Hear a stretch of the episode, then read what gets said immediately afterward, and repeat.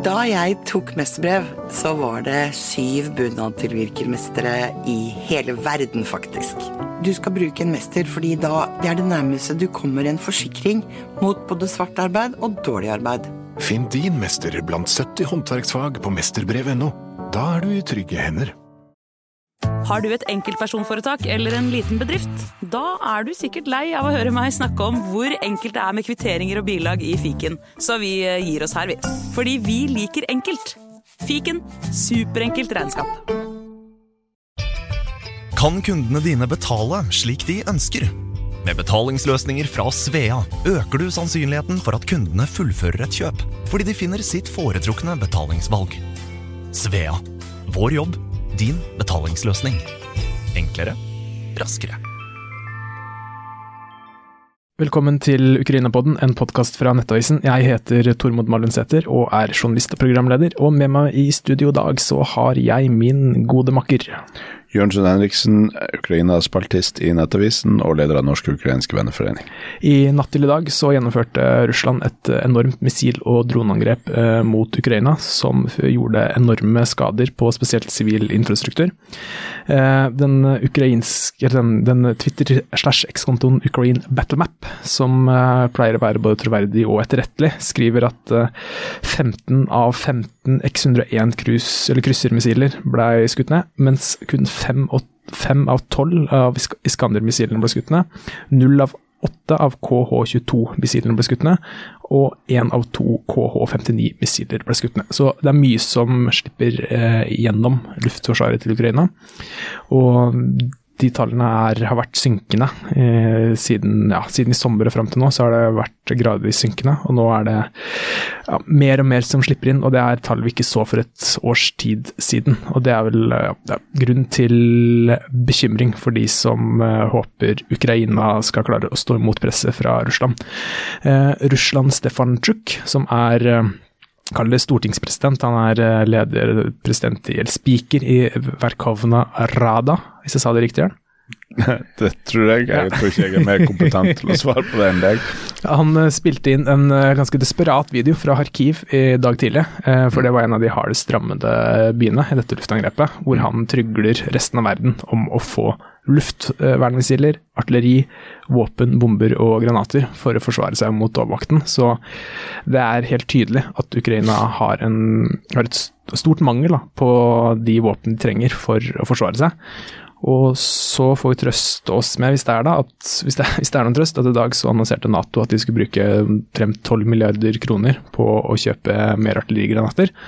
Eh, det er snakk om da noen hundre tusen artillerigranater som er, eh, hjelper en god del. Det skal brukes til å etterfylle Nato-lagre, men det er ikke engang ett års forbruk av det vi ser på krigen i Ukraina. Så det er, det er en god del, men ikke, ikke enorme mengder. Det her er eh, knalldyrt. Eh, vi kan bare gå litt tilbake til rakettangrepet så skal det være så mange som 30 boligblokker i arkiv som er ødelagt. Så det er eh, altså, enorme ødeleggelser. Uh, ukjent hvor mange som er drept per nå. De siste tallene jeg har fått fra uh, NTB, uh, er at fem personer skal være drept bare i arkiv. Men det er grunn til å anta at det tallet er større, for det skal fortsatt ligge folk i ruinene. Så det her er nok Det var fem tidligere og helt sikkert større nå. Men hvis vi går tilbake til Jeg vet ikke om du vil kommentere det her, Jørn, eller om du vil gå rett på frontlinja? Det er jo veldig mye å, å unpack, og um, de her angrepene på boligblokken er jo bare nok, nok et eksempel på hvordan russerne systematisk angriper sivile. Det er ikke noe tvil om at de gjør det, det er ikke noe feilbombing eller noe sånt. De, de angrep sivile. Det er helt sikkert mange flere enn fem som ble drept. og enda veldig mange som har blitt hjemløse. Og Kharkiv er jo en by som angripes kontinuerlig, og på et eller annet tidspunkt så blir vel den byen i stor grad ubeboelig, hvis det ikke skjer noe. Og eh, det er en eh, tøff episode å høre på, men den episoden vi hadde med, med Kurt Eriksen som forklarer hvordan det var for han å drive og lete etter overlevende i en eh, boligblokk i Dnipro, Eh, men der de bare fant døde, eh, han og hans makker som, som gikk rundt og leta. Det kan jo gi et innblikk i hvordan, hvordan det her er langs fronten. Så det, det er en, en alvorlig situasjon for Ukraina. Og det at stadig flere eh, slipper gjennom De har jo hatt en eh, de hadde vel en nedskytingsrate på mellom 70 og 90 en periode. Nå har den falt til rundt 50, eh, som de tallene du leser opp indikerer. Det er nok to faktorer der. Det ene er at eh, Ukraina ikke har nok luftvern, ikke har nok luftvernmissiler. De har fått en del eh, nye vestlige system, men, men har kanskje ikke nok missiler til det, og de, har, de trenger flere system for å dekke større områder. Ja, og de mangler også ikke bare missiler, men også som sier, utskytningsramper. da. Ja. Og det andre faktoren er nok at russerne blir stadig bedre på å um, Det er alltid sånn når du introduserer ny teknologi, så er den veldig effektiv en periode, og, for all del, de er fortsatt effektive. Men etter hvert som russerne eh, For hver gang de går til angrep på Ukraina, så lærer de litt mer om hvordan de kan omgå de her um, mottiltakene. Og uh, det er eksempler på missiler som er på vei til en del av Ukraina, og så snur de og angriper Kiev ifra, eh, ifra sørvest, f.eks. Og, og det er ikke nødvendigvis ukrainerne forberedt på.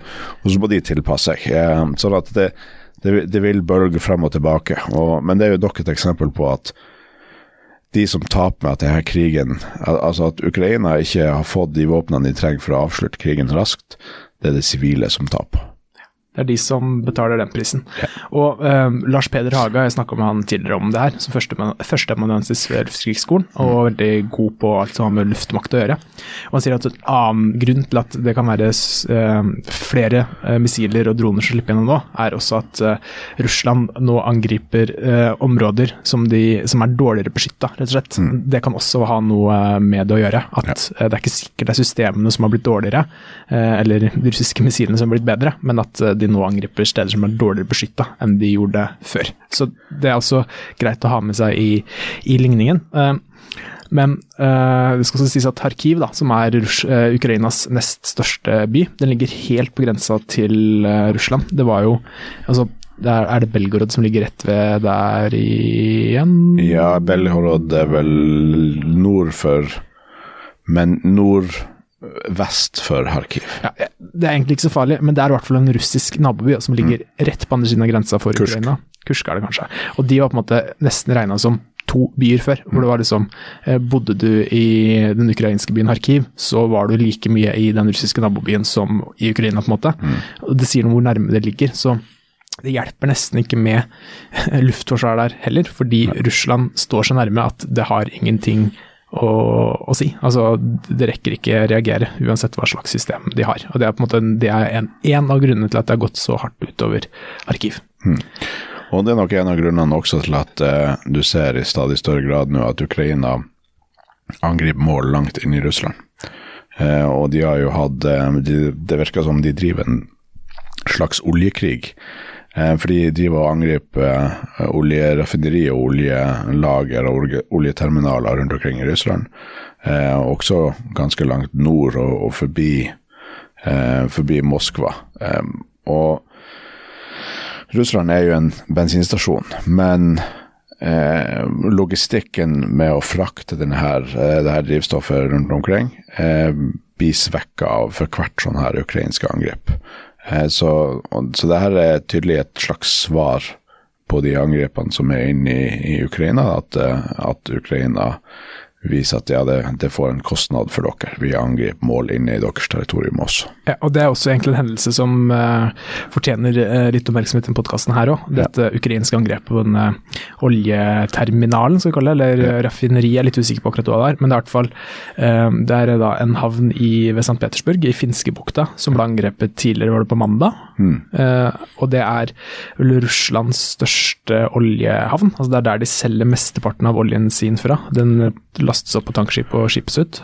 Det, det er det største havna de har i Det baltiske hav. De har ei havn i St. Petersburg også, men den er ikke så stor. Eh, og det, I og med at den ligger inne i byen, så har de ikke eh, så mye containere og andre ting som Så det her er den, den, den store havna i, i det baltiske hav de har, som blitt angrepet. Ja, for jeg sa feil, jeg nevnte St. Petersburg tidligere, og det er da selvfølgelig Ja, Det er jo i St. Petersburg-distriktet. det er sånt. Leningrad, vent da, Ja, okay. Eh, Leningrad-regionen Ja, okay. er det. Så det er i hvert fall i Ust-Luka eh, ved Finskebukta.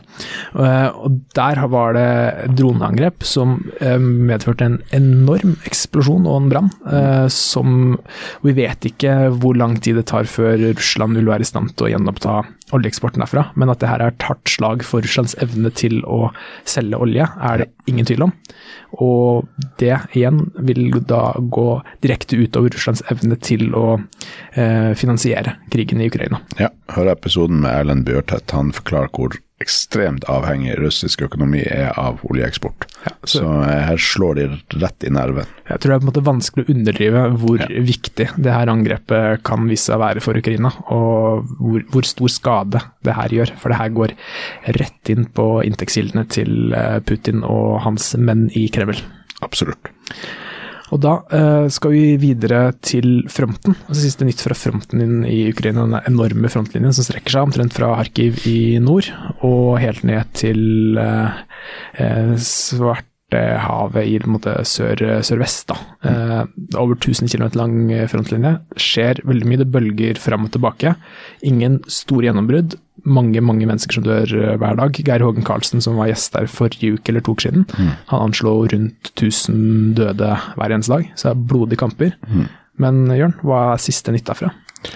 Nei, så Vi kan jo begynne med det du refererte tidligere om han som eh, sto og ba innstendig om ammunisjon i, i Kharkiv. Og Det er jo det som er situasjonen. De mangler særlig artilleri- og bombekasterammunisjon. Og det fører til at eh, ukrainske soldater må med riflene sine med håndvåpen på nært hold stoppe russiske soldater, eh, som de ellers i stor grad kunne ha stoppa med artilleri, fordi at de mangler granater. Og i sånn her nærkamp så mister de mange liv, så det er ukrainske soldater som dør hver dag, som kunne ha overlevd hvis de har fått nok ammunisjon fra Vesten. Og Her er det jo forskjellige ting på mange nivå å ta tak i. Eh, Det du nevnte med Nato er jo et bra grep, for det øker produksjonen, men jeg er veldig interessert i hva det, hva det forholdstallet er mellom å øke egne lager og hvor mye som skal til Ukraina. For at uh, det sier de jo ikke noe spesifikt om, de bare sier at de skal gjøre begge deler. Jeg håper virkelig at um, en substansiell, stort flertall av de artillerigranatene går direkte til Ukraina. Det er snakk om det er 220 000 artillerigranater. Så Og det er jo fortsatt uh, altfor lite. Og det er gledelig at regjeringa endelig har eh, kommet i gang her i Norge, men det er også altfor sent. Uh, vi visste for to år siden at dette kom til å bli et problem. Så, så det er frustrerende for alle som er opptatt av demokrati og en fri verden, men, men det er ukrainerne som, som, betaler den prisen. Og det ser vi langs frontlinja i de hendelsene som skjer der. Eh, det er bevegelser, ikke store bevegelser, ingen store gjennombrudd eller noe sånt, men det er bevegelser langs frontlinja flere plasser. Eh, Russland går fram noen plasser, Ukraina andre plasser, men hovedtrenden er at det er russerne som presser på og har mest offensiv suksess akkurat nå.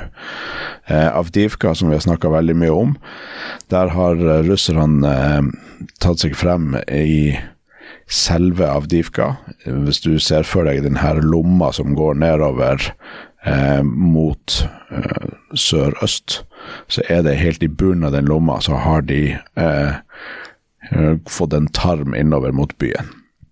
Det er jo sånn som eh, begynnelsen på slutten så ut i Bakhmut, så det kan jo være det. Det er også mulig at en sånn tarm kan utvikle seg til å bli en killbox eh, hvis ukrainerne eh, har planlagt det i, i, den manøveren. Så de er i hvert fall veldig utsatt, de russerne som er i de fremre rekken der. De kan bli angrepet fra tre sider. Men men i alle fall, russerne er, er, har fremskritt der.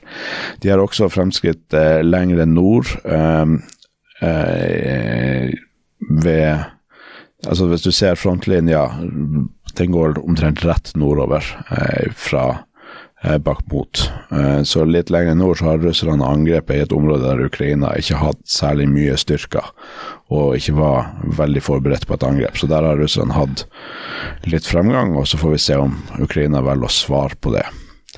Um, så er det gode ukrainske nyheter fra Robotyne. Der har Ukraina gått til et motangrep og tatt tilbake eh, stort sett det territoriet som, som Russland har vunnet de, de siste ukene. Så det er fortsatt offensiv kraft hos ukrainerne, og de bruker eh, de bruker stormpanservogner og stridsvogner sammen i de her, de her motangrepene. Så det, det koster nok styrker, men, men, det viser at de, de, er ikke bare på defensiven. Og så vet vi også, vi har fått en del lyttespørsmål om eh, Herson de som er på eh, sørsida av elva, dypere elva der. Der kommer det ikke veldig mye nyheter ut. Så det at vi ikke har snakka veldig mye om det, det er for at det, ikke, det, det, er ikke veldig mye detaljerte nyheter. Men det var nylig en rapport om at russerne har prøvd nok en gang å gå til angrep med stridsvogner, den mest moderne de har, T-90M. Eh, de ble ødelagt, og angrepet var ikke en suksess.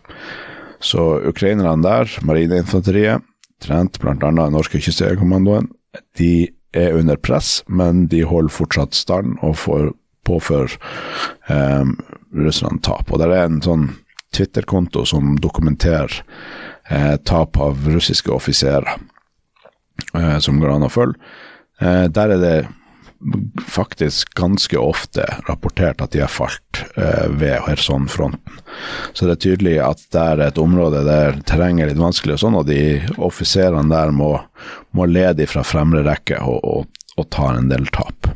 Ja, det er vel 'Killed in Ukraine', tror jeg yes. den uh, kontoen heter. Absolutt verdt å følge, så får du med deg noen drypp, da. Og kan du følge litt nyhetsbildet av hva som uh, altså, for det, Ikke bare at du skal sitte og se hvilke russere som er drept i Ukraina, men det sier, som du sier, det kan si noe om hvilke frontavsnitt som det er aktivitet hos. Og mm. hver gang en russisk offiser blir drept, så er jo det mye mer alvorlig for Russland enn en vanlig infanterist eller fotsoldat. Ja. Så det, det, kan måtte gi, være med å gi deg et slags lite bilde av, ja, av situasjonen. Ja, og, og uh, Ukraina har vel tapt en oberst. Det var da uh, Soledar litt overraskende falt en stund før Bakhmut falt. Da mista Ukraina en oberst. Russland har mista en haug med generaler. Men det er særlig antallet oberstløytnanter som er Nå husker jeg ikke eksakt tallet, men det er mange hundre oberstløytnanter som, eh, som uh, russerne har tapt. Og uh, det er jo to grader før, før general.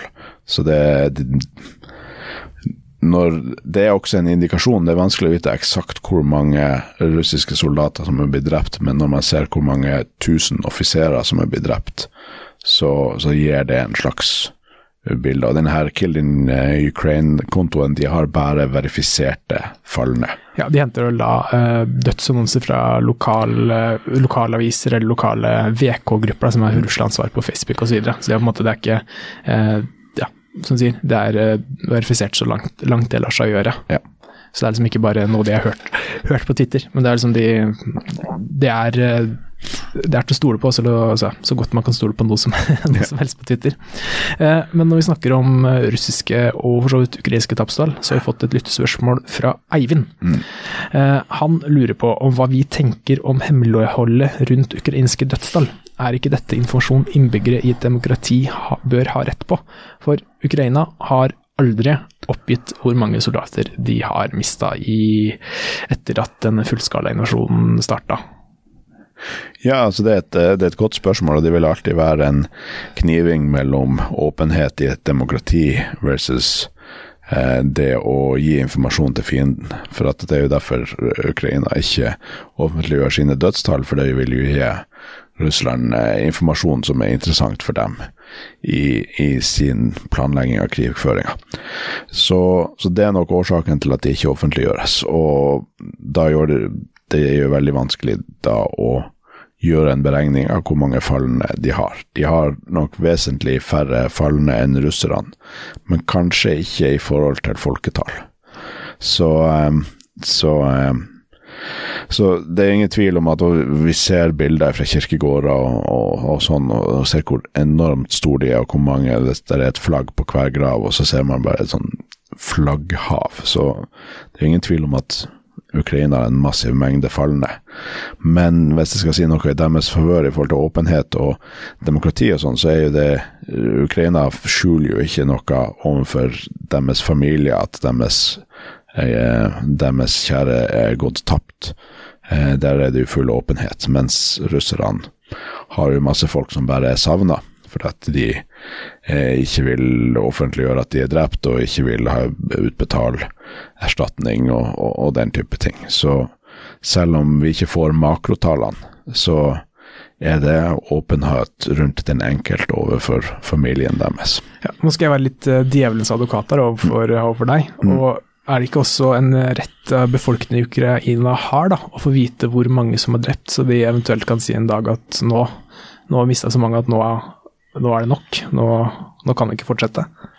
Jo, det, det kan du si, men det, de tingene der må alltid, må alltid veies opp mot hvordan det, det, Altså, potensielt da, så kan du gi informasjon til fienden som gjør at flere blir drept enn det som er nødvendig, eller at krigen varer lenger enn det som er nødvendig.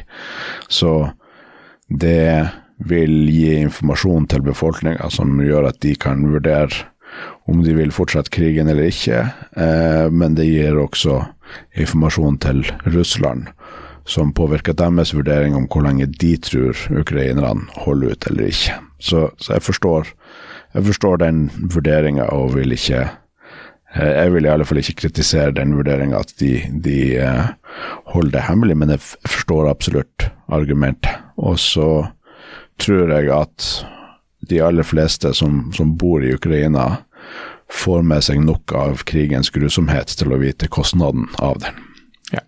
Og da takker vi til Eivind for et uh, godt spørsmål. Uh, og så skal vi hoppe videre til Carl Martin, som har sendt meg en ganske lang e-post. og Jeg kommer til å lese opp uh, en, et sammendrag av da. Og han lurer på om det finnes noen omvendte, omvendte troll, altså omvendte da i hermetegn.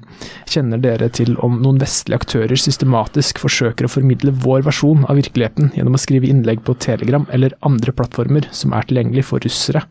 Eh, og som da på en måte avsenderen er fra Vesten. Og så skriver da Karl Martin litt videre om at han har vurdert å gjøre det selv, men er litt usikker på hvordan han skal gå fram, hvor han skal skrive, og så er det tidsklemma. Så det er, ja, han har eh, han har vurdert tanken da, på å, å, gjøre det her selv. Ja, og det tenker jeg det er godt vettugt å, å, å bruke tid på det, for at eh, selv om du ikke vinner fram eller tilsynelatende ikke omvender noen, så får de i alle fall presentert annen info som kan så eh, tvil eller begynne en slags tankegang rundt en annen virkelighet enn de får servert sjøl. Og så er det viktig å huske på at russerne sine ja, infokampanjer mot egen befolkning er ikke at befolkninga nødvendigvis skal tro på det de serverer, altså det russerne serverer, men de prøver å skape en eh, tanke om at alle lyver uansett.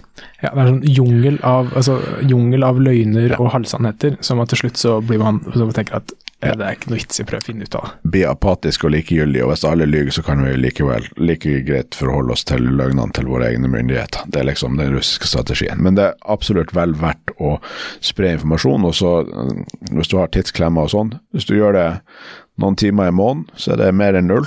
Eh, og så skal du ikke ha dårlig samvittighet for den tida du ikke bruker det, på det, for at det er ikke et veldig effektivt arbeid, selv om det er nyttig. Ja, og skal bare si da at jeg, Det med tidsklemma tok jeg fritt fra hukommelsen. Det nevnte ikke Karl Martin. Nei, okay. Eh, nei, nei. Så, bare så ikke nei, Karl Martin blir beskyldt for å si men, sånn. men, det er noe, noen sikkert mange vil kjenne seg igjen i. nå. La oss si det sånn at du kan bruke all din våkne tid resten av livet på Telegram, og likevel så vil du ikke, vil du ikke kunne svare på all misinformasjon som finnes der. Det samme på Twitter. Men, men det er nyttig. Og så er det Jeg, gjør det her en del sjøl mot russiske troll, og så må man ha litt sånn, være avslappa med tanke på at de aller fleste er ikke interessert i å ta imot informasjon. De vil bare vinne diskusjon, og de, er ikke, de diskuterer ikke i, god tro. Og det blir veldig fort ned i absurdistan. Eh, men, men, men, det å presentere faktabasert informasjon, det er folk som leser det, det kan være nyttig. En Og det er jo ikke bare i Russland og på Telegram det slaget står, det står jo mange plasser.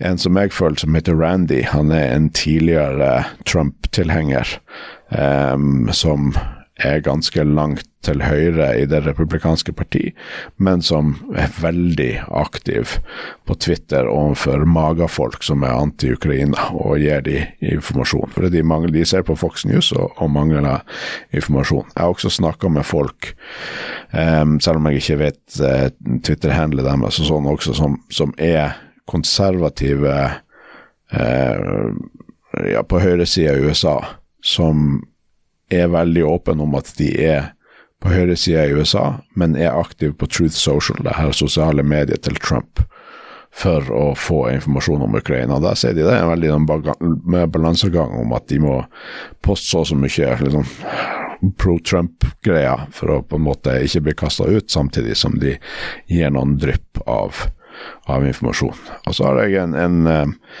styremedlem eh, i eh, Norsk-ukrainsk venneforening som også var valgobservatør sammen med oss i, i 2004, en Erik Schreiner Evans. Han var litt i media da, da fullskala informasjon starta, for han var med på den internasjonale kampanjen om å spre informasjon på eh, TripAdvisor. På russiske restauranter og sånn. Det lurer jeg på om ikke VG eh, skrev om. All ære til dem for at de tok den før, før oss. Men Ja. det er da eh, du skal få lov til å fortsette, men det er da eh, vestlige brukere som går på TripAdvisor, eh, Google-anmeldelser og da også, jeg tror også Yandex, som Mm. er på en måte Russlands svar på Google, eh, og skriver da på en måte Istedenfor å skrive hvordan eh, spagettien smakte, så skriver de at skriver de fakta om invasjonen av Ukraina.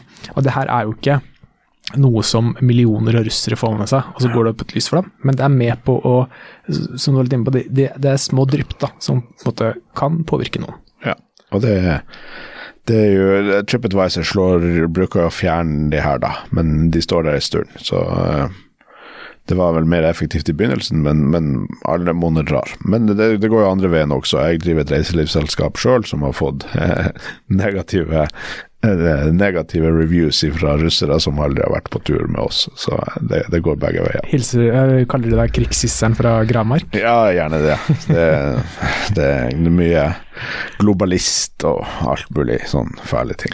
Det er vel kanskje naturlig når man jobber i reiselivsbransjen. Ja. nei, Nei, ingen skal krysse grensen. Um, ja, men uh, det var i hvert fall et veldig godt spørsmål fra Karl Martin, syns jeg. Og så trakk han også fram at han ikke kan russisk selv. Uh, det kan ikke jeg heller. Du, du kan sikkert ikke så mye russisk heller. Nei. Ingenting. Men, Ingenting. eh, Men da er det Google Translate for alle penga. Ja.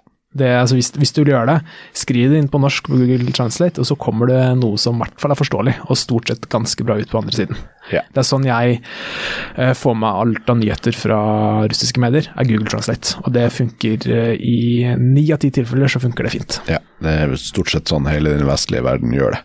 Ja. Og, og hvis du syns at det blir tungvint, så er det nok, mer enn nok desinformasjon på Twitter, skråstrek X, og bekjemp på engelsk og norsk også, hvis du eh, har lyst til det. Ja, ellers er det bare å gå inn på hvilket som helst kommentarfelt på Facebook eller Ja. nettavis om krigen i Ukraina, så dukker det plutselig opp noen eh, som snakker om ukrainske nazister, mm. denne Nato-ekspansasjonen som vil eh, ta over Russland på sikt, osv. Så, videre, og så, så du kan også gå i denne ordkrigen på, på moderspråket.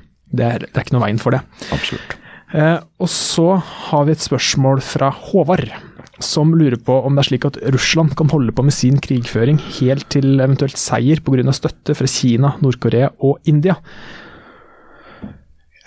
Ja, det er et veldig godt spørsmål. For å svare på det spørsmålet, så må vi først definere hva seier er. Altså når vi starta Når den I våren 2022 så ble det klart at Russland ikke kommer til å vinne det som var deres mål, altså å, å bekjempe Ukraina og ta den ukrainske staten.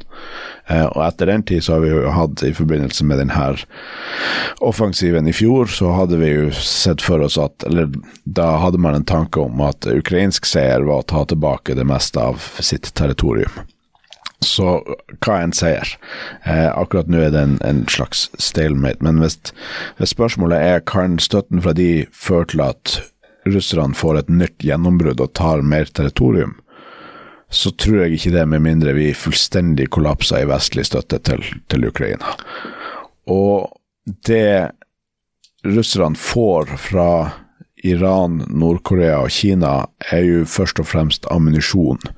Eh, ikke, de får ikke mye stridsvogner, de får ikke fly og, og sånne type ting. De har vel ikke fått all verden med ammunisjon fra Kina, de har vel stort sett holdt seg til å levere uniformer, skuddsikre vester og annet måte ikke-dødelig materiell da, fra Kina. Det stemmer. Og så er det litt sånn sprikende etterretningsrapport om de kanskje har gitt mer, og kanskje noe av det som kommer fra Nord-Korea, kanskje har Kina som opprinnelsesland også. Men det er ingen tvil om at Kina er en utrolig viktig støttespiller for Russland. Ja. Så eh, Nei, altså de, de får fra særlig eh, Nord-Korea, men også eh, Iran, får de mye viktig støtte. Men i forhold til høyteknologiske våpen som kan gjøre en, en, en strategisk forskjell, så har ikke de noe å tilby. Nei, og så skal jeg også uh, gå inn og forsvare India litt, for India var et av disse landene som ble trukket fram som støttespillere. Og uh, India, som for øvrig nå har blitt verdens mest folkerike land, eh, de balanserer på en måte på Eller de spiller på to hester, da, eller hvis vi skal si det sånn. De støtter ikke Russland med våpen. Nei.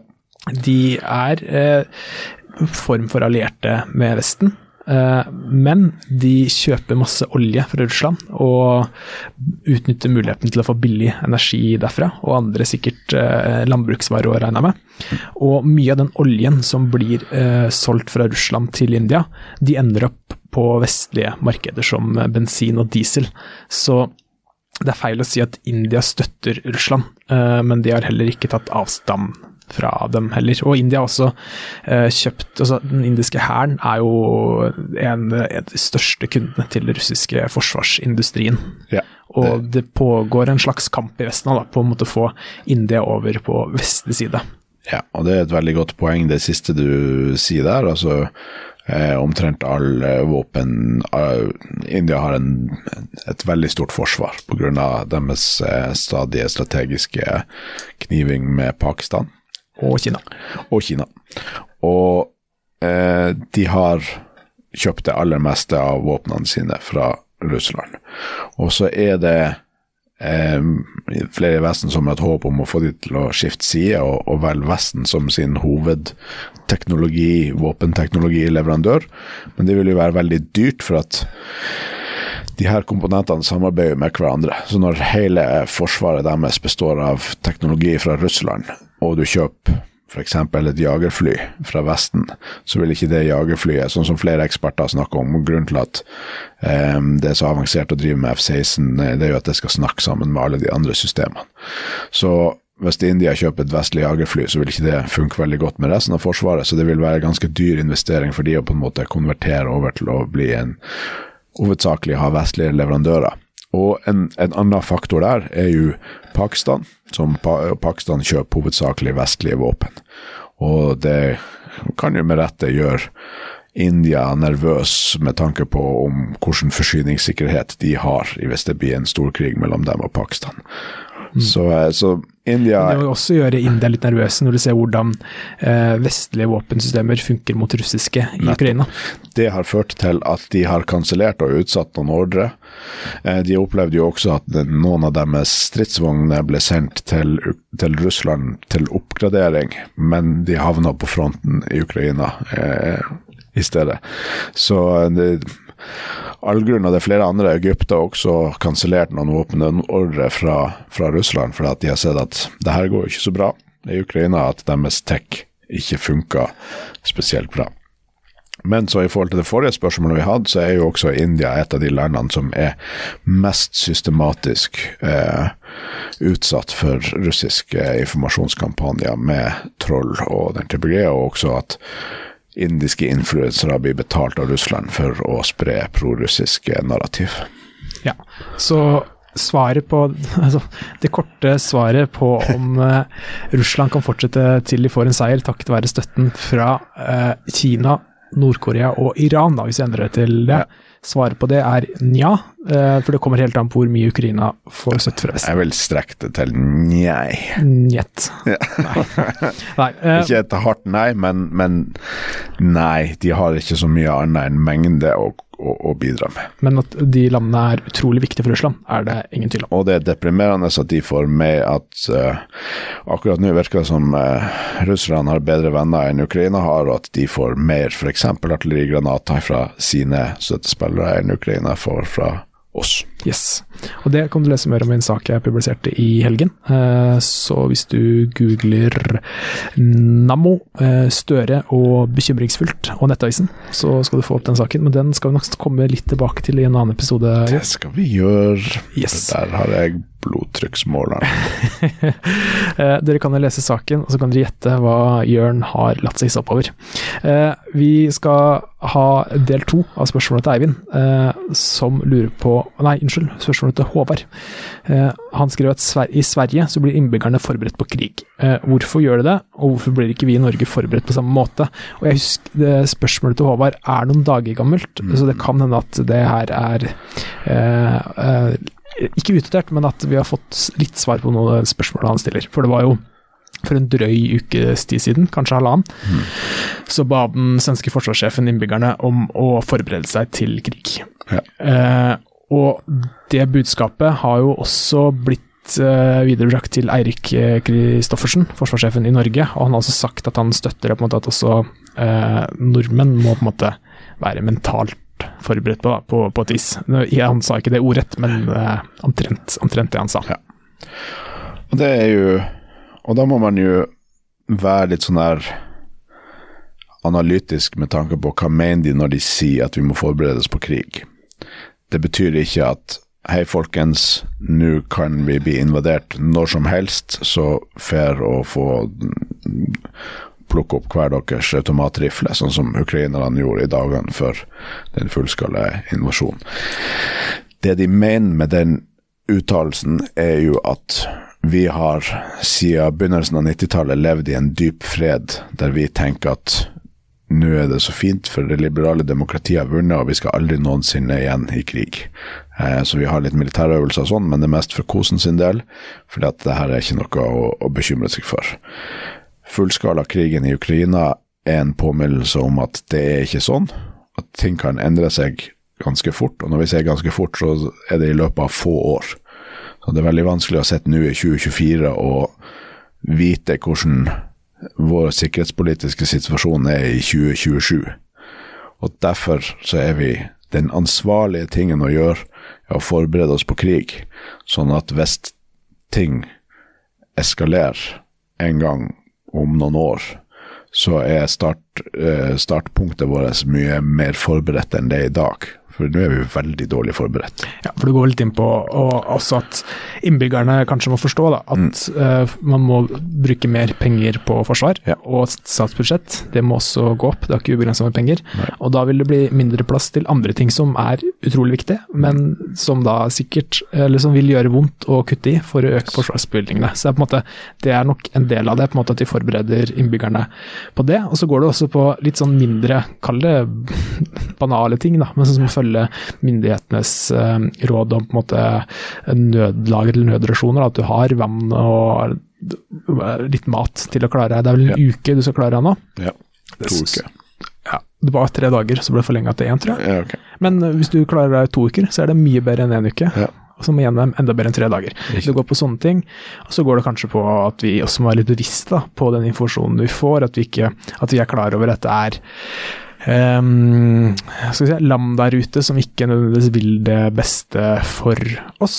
Ja. Uh, så vi er litt uh, årvåkne på hva slags informasjon vi stoler på og ikke stoler på. Uh, det kan være f.eks. at du, noen prøver å hacke deg det høres kanskje litt banalt ut, da, men eh, at du, la oss si at du jobber Hvis jeg som jobber i Nettavisen, ja. eh, hvis jeg får en eh, link fra en litt suspekt eh, e-postadresse som sier please uh, click this link and uh, type your username and password, ja. eh, så bør jeg kanskje tenke meg om to ganger om er det, er det noe jeg burde gjøre. Det går på kanskje litt sånn, sånne banale ting som det der òg. Sånne ting, og en veldig konkret Hvis du leser trusselvurderinga til PST, så er det en konkret ting som skjer veldig mye, og som alle burde være obs på. Hvis du er på en konferanse, og noen som har russisk aksent, begynner å være veldig interessert i hva du jobber med, bare spør litt sånn dagligdagse spørsmål om jobben din, men litt mer fremoverlent enn vanlig, så er ikke det nødvendigvis spørsmål du skal svare på.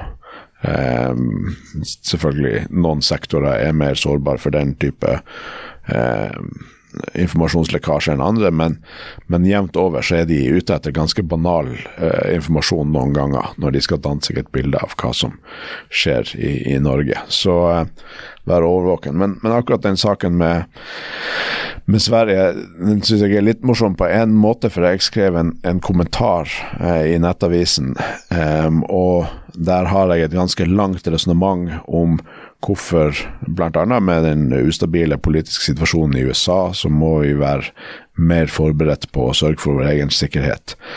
Eh, og mange elementer i denne eh, kommentaren, og en av de var jo det her argumentet om at pga. det så må vi, vi, sørge mer for vår egen sikkerhet. Og så er det jo sånn at når man leverer noe her, så er det jo desken som på en måte bestemmer litt overskrifter og sånn. Så det som kom ut på nettavisen var overskriften at jeg mente at Norge må forberede seg på krig, sto det. og selv om jeg på én måte står inne for det, så var på en måte ikke det helt sånn der akkurat det jeg tenkte var oppsummeringa av den artikkelen, men så, noen få timer senere, så kommer det en sak om at den svenske forsvarssjefen sa at Sverige må forberede seg på krig. Og da føler jeg yes, ok, greit, flott. Du vet, vi som jobber i pressen, har, vet at desken alltid har rett. Ja, desken har rett, det må vi bare bøye oss for. Ja, og med de ordene så tror jeg vi skal runde av, hvis ikke du har noe du brenner inne med? Jo, eh, neste episode blir torsdag eller fredag. Da får vi gjest fra Ukraina. Det kommer noen eh, damer fra Ukraina som er eh, de har jobba i mange år i forskjellige sivilsamfunnsorganisasjoner, bl.a. jobba med antikorrupsjonsarbeid og, og, den type ting. Og så har de danna en sivilsamfunnsorganisasjon som heter Ukraine Victory Foundation tror jeg er rett oversagt. Eh, og de kommer til Oslo, så en av dem kommer til å gjeste vår podkast. Eh, de skal ha masse møter i Oslo, men eh, de skal ha et åpent arrangement som Norsk-ukrainsk venneforening og Forum for utvikling og miljø har på torsdag. Så hvis du bor i Oslo-området, gå gjerne på det seminaret eh, med dem klokka to på torsdag hos eh, Forum. Du finner det arrangementet på, på, Facebook. Hvis du ikke bor i Oslo, så hør på podkasten vår, for en av dem kommer og gjester oss. Yes. Send inn lyttespørsmål. Ja, send inn lyttespørsmål til ukrainapodden krøllølfa nettavisen.no. Husk å følge oss på den podkastspilleren du bruker, så får du nye varsler når det kommer nye episoder. Ja. Vi har fått, eh, det er eh, en del som følger oss allerede, men vi har alltid, alltid plass til flere. Og ja, da er det bare å si at vi høres senere. Takk for at du lyttet. Kan kundene dine betale slik de ønsker? Med betalingsløsninger fra Svea øker du sannsynligheten for at kundene fullfører et kjøp, fordi de finner sitt foretrukne betalingsvalg. Svea vår jobb, din betalingsløsning. Enklere, raskere.